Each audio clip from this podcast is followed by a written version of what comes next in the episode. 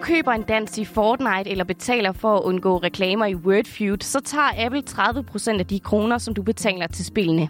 Bare fordi du har downloadet dem via deres App Store. Men er det fair? Det vil retten i USA afgøre.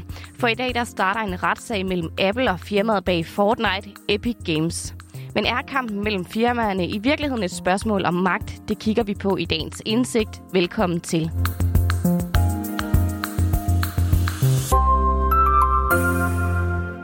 Hvis vi gerne ville ned og have fingrene i et spil for bare 20-30 år siden, så skulle vi ned i en fysisk butik og købe det. I dag så kan vi med et par klik på telefonen hente et spil ned. Det er der næsten for nemt. I mere end 12 år så har vi kunnet downloade apps, og inden vi lige går videre, så lad os lige starte med et throwback til 2008, hvor Steve Jobs han præsenterer, hvorfor App Store blev til. You're a developer and you've just spent two weeks or maybe a little bit longer writing this amazing app. And what is your dream? Your dream is to get it in front of every iPhone user. And hopefully they love it and buy it, right? That's not possible today. Developers don't, most developers don't have those kinds of resources. Even the big developers would have a hard time getting their app in front of every iPhone user. Well, we're going to solve that problem for every developer, big to small. And the way we're going to do it is what we call the App Store. Ja, siden 2008 så har det taget fart. Min iPhone er i hvert fald fyldt med en masse apps. Alt fra Instagram til Volt og Wordfeud har fundet vej til min hjemmeskærm. Men hver gang vi, du og jeg bruger penge i App Store, så tjener Apple altså også penge. Faktisk så får tech-giganten 30% af fortjenesten, hvis vi for eksempel køber et premium abonnement på Spotify. Det samme gælder, hvis vi i Fortnite køber skins eller en dans. Og det er altså ikke alle udviklere bag de her apps, der synes, det er skide fedt at miste en tredjedel af sin fortjeneste til Apple. Det bliver lidt teknisk det hele, så for lige at få styr på alt, så har jeg allieret mig med Torben Vognsen. Han er chefredaktør for magasinet Input, og så har han dækket tech-verdenen i mere end 20 år. Og han kan lige gøre os lidt klogere på den her problematik. Problemet opstår, fordi at Apple jo vil have en del af kagen, når det er sådan, at de stiller butikken til rådighed for udviklerne. Og så er det simpelthen sagt, at vi skal have 30% af alt. Og det er både, når man sælger en app i første omgang, hvis man tager penge direkte fra appen, men det er også for det, der hedder in-app purchases, så det vil sige alt, hvad man køber inde i appen, og det er både abonnementer og hvis man køber du øh, smølfebær, eller hvad fanden det kan være, man køber til sin spil, eller noget i den stil, det er jo så gået hen og udviklet sig til en, en større ting, fordi især de sådan store udviklere, de er sådan en lille bitte smule trætte af hele tiden at skulle overlevere 30% til Apple hver eneste gang, de skal stille noget som helst. Og så, og så prøver de jo simpelthen at komme udenom det. Og, og det er der, den, den her twist med Epic Games, den så pludselig opstår. Ja, og Epic Games er jo firmaet bag Fortnite, og de var altså ikke just tilfreds med, at Apple nubbede så mange af deres penge. Derfor så valgte de for et års tid siden at gøre det muligt for deres spillere at købe ting inde i selve spillet. Og på den måde, ja, så kom Epic Games altså via en smutvej udenom, at Apple de skulle have en tredjedel af fortjenesten. Men det lille nummer, det var Apple selvfølgelig ikke med på, og det resulterede så i, at Fortnite blev smidt ud af App Store tilbage i august. Som et modangreb til det, ja, så har Epic Games så valgt at hive Apple i retten. Og den her retssag, den starter i dag. Og for at lige blive lidt klogere på, hvad der egentlig kommer til at ske i retten, så har jeg talt med Michael Sikart.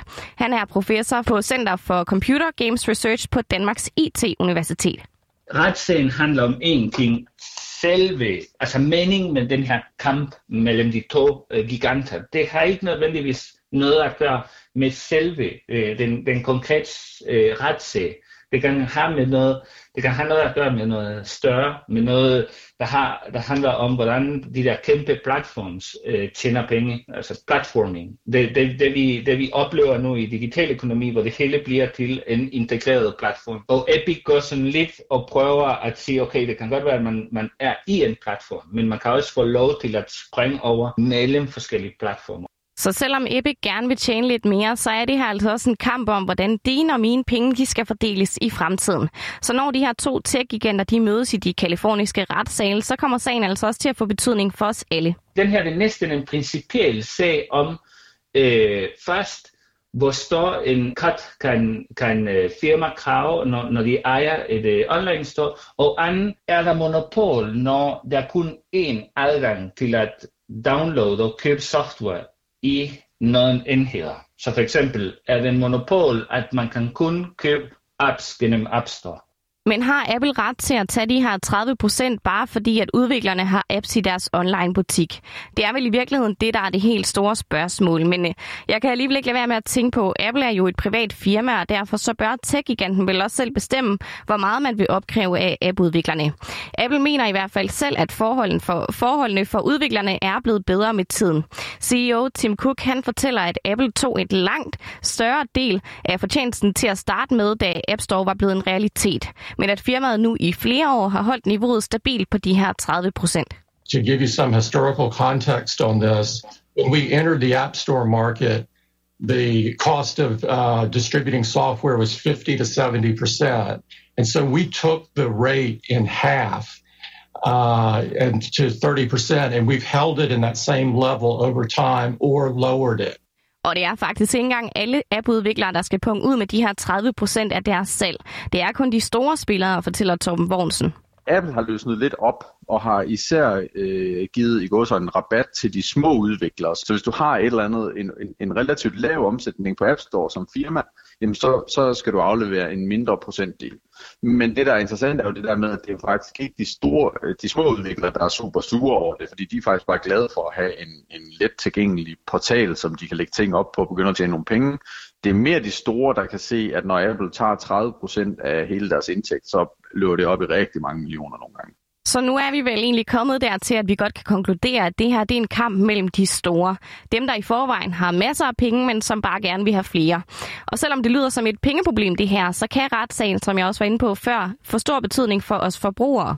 Den yderste konsekvens kan jo være, at, øh, at vi kommer til at have øh, 10 app stores på en iPhone øh, potentielt for at få de apps, som vi nu kan hente et sted.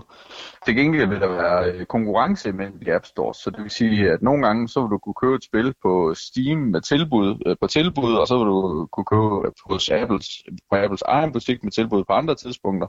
Så, så man kan sige, at det vil i hvert fald måske betyde noget for priserne på, på, på apps. Øhm, og, og det er jo selvfølgelig noget, der, der betyder noget for mange mennesker, men det bliver også lidt mere uoverskueligt øh, på den måde. Så, så der er sådan en, der er alt efter, hvordan udfaldet bliver, øh, på den her retssag, så, øh, så kan det have ret stor betydning for, hvordan vi bruger det. Okay, så måske vi i fremtiden kommer til at skulle tage på tilbudsjagt i forskellige app stores. Jamen, jeg synes, det lyder helt skørt, når jeg siger det her, men vi må jo vente og se, hvem der vinder den her retssag, og det ved vi jo af god grund ikke endnu, hvem det er, fordi den starter godt nok i dag, men så vil den så vare i tre uger. Og selvom det er umuligt at forudse, hvem der går fra retten som sejrsherre, så har begge parter altså både styrker og svagheder, fortæller Michael Sikart.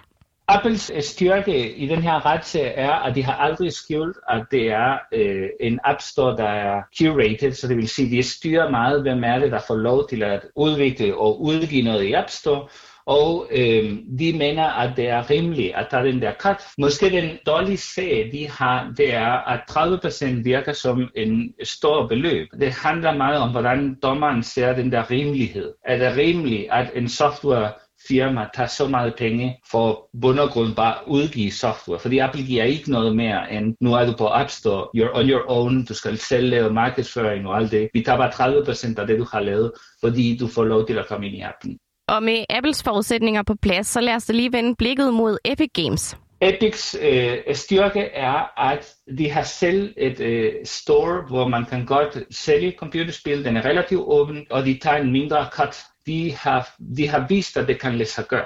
Fordi de, de viser, okay, øh, man, kan, man kan have en online store, der ikke tager det der standard 30%. Svaghed er, det er meget indviklet at se App Store som en monopol, en klassisk monopol. Så den der argument om, at øh, Apple bare har monopol over for hvordan og hvorvidt man, man kan downloade apps i Apple, det, jo, det er rigtigt, men det er ikke helt rigtigt. Det er ikke en klassisk monopol, hvor de ejer det hele i produktionskæde. Ikke? De er bare sådan en storefront, og de har lov til at sælge øh, frem og tilbage de ting, de har, de har lyst til.